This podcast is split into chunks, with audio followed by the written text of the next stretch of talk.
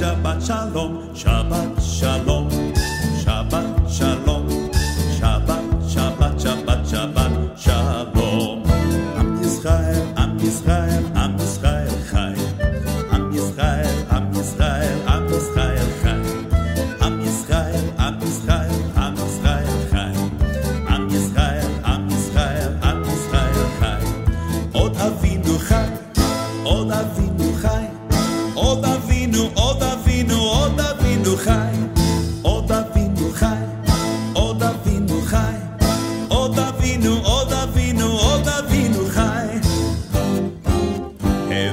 shalom alechem. Evenu shalom alechem.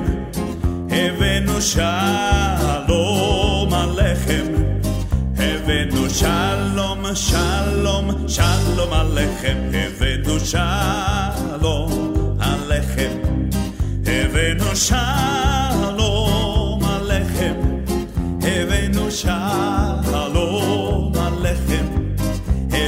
Shalom, shalom, shalom alechem.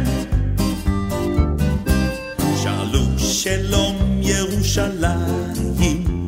Shalu shalom Yerushalayim.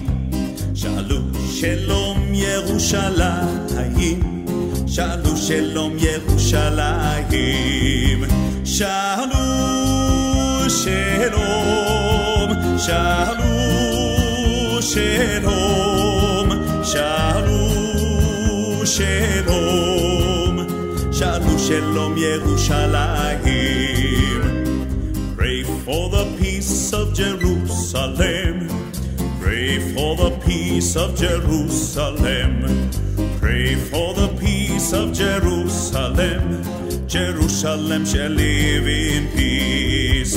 Shalom, shalom, shalom, Shalom, shalom, shalom. Shalom, shalom, Yerushalayim. Shalom, shalom, shalom, shalom, shalom, shalom, shalom, shalom, Yerushalayim.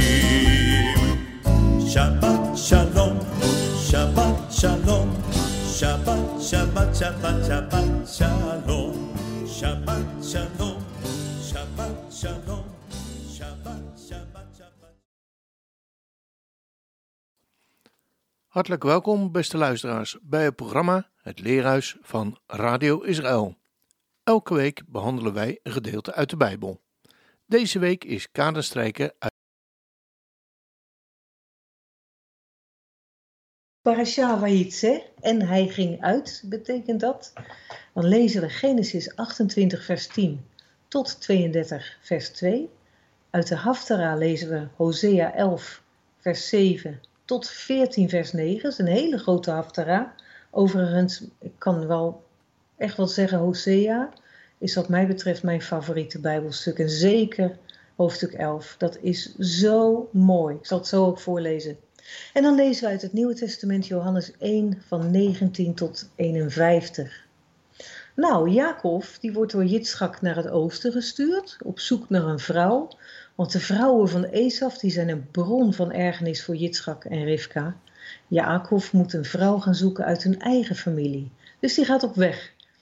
En wanneer hij op zijn reis een droom krijgt over engelen die op en neer gaan op een ladder die in de hemel eindigt, dan weet hij dat de God van zijn vader Jitschaak en van zijn opa Abraham ook met hem is. En hij sluit een verbond, noemt die plaats dan ook Bet-El, huis van God. En God bekrachtigt daar opnieuw de belofte die hij al aan Abraham had gedaan. Het is prachtig dat God daar later weer aan refereert, verder in deze parasha, met te zeggen, ik ben de God, die God van Bet-El. Dat vind ik zo mooi, omdat God heeft het vaak over de God van uh, Abraham en Isaac, maar hij zegt hier, ik ben die God van Bet-El, diegene die jij zelf hebt ontmoet. Ik vind dat echt uh, ontroerend.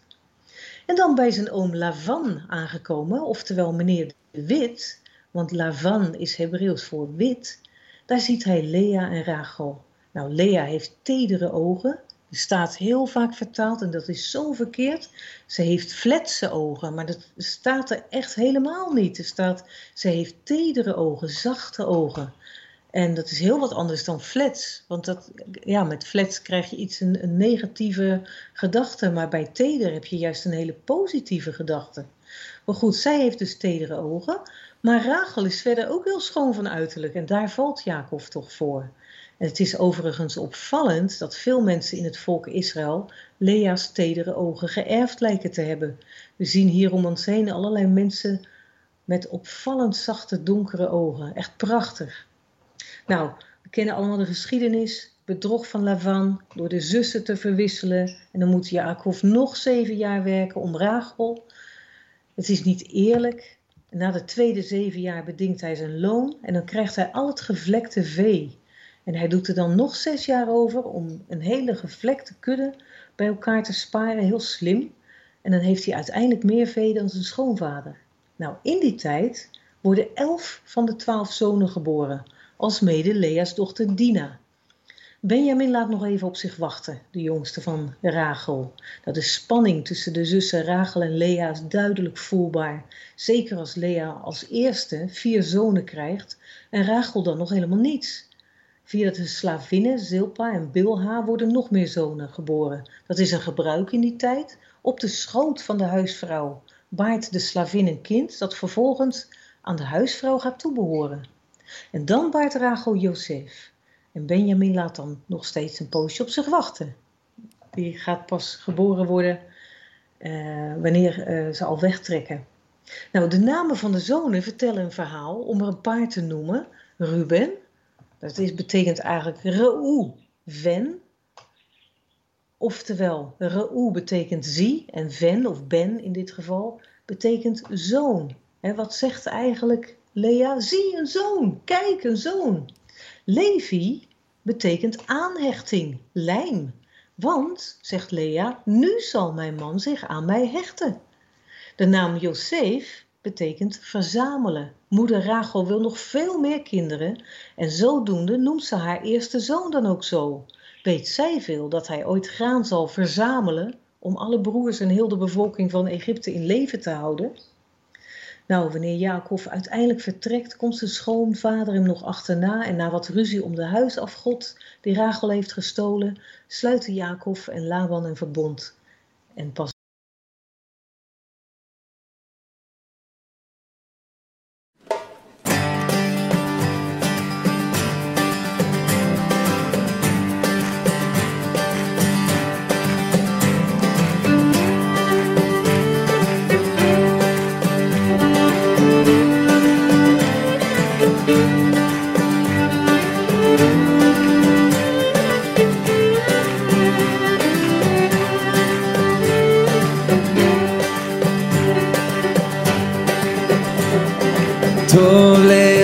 לאדוני ולזמר לשמחה עליון להגיד בבוקר חסדך ואמונתך בלילות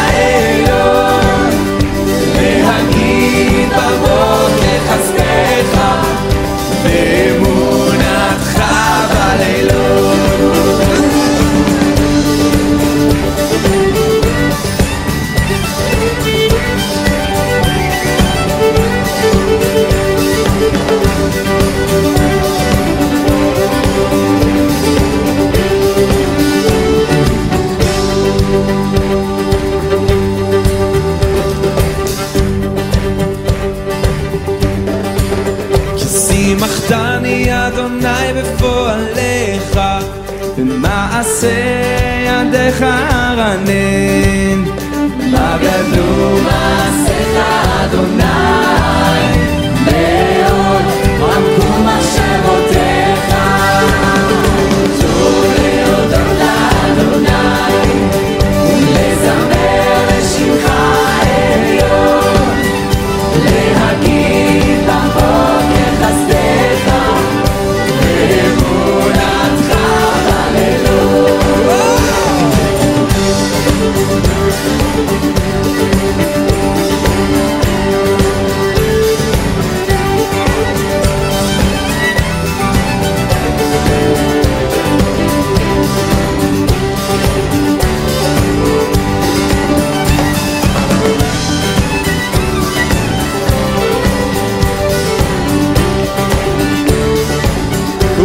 להגיד בבוקר להגיד בבוקר חסדיך אמונתך בלילות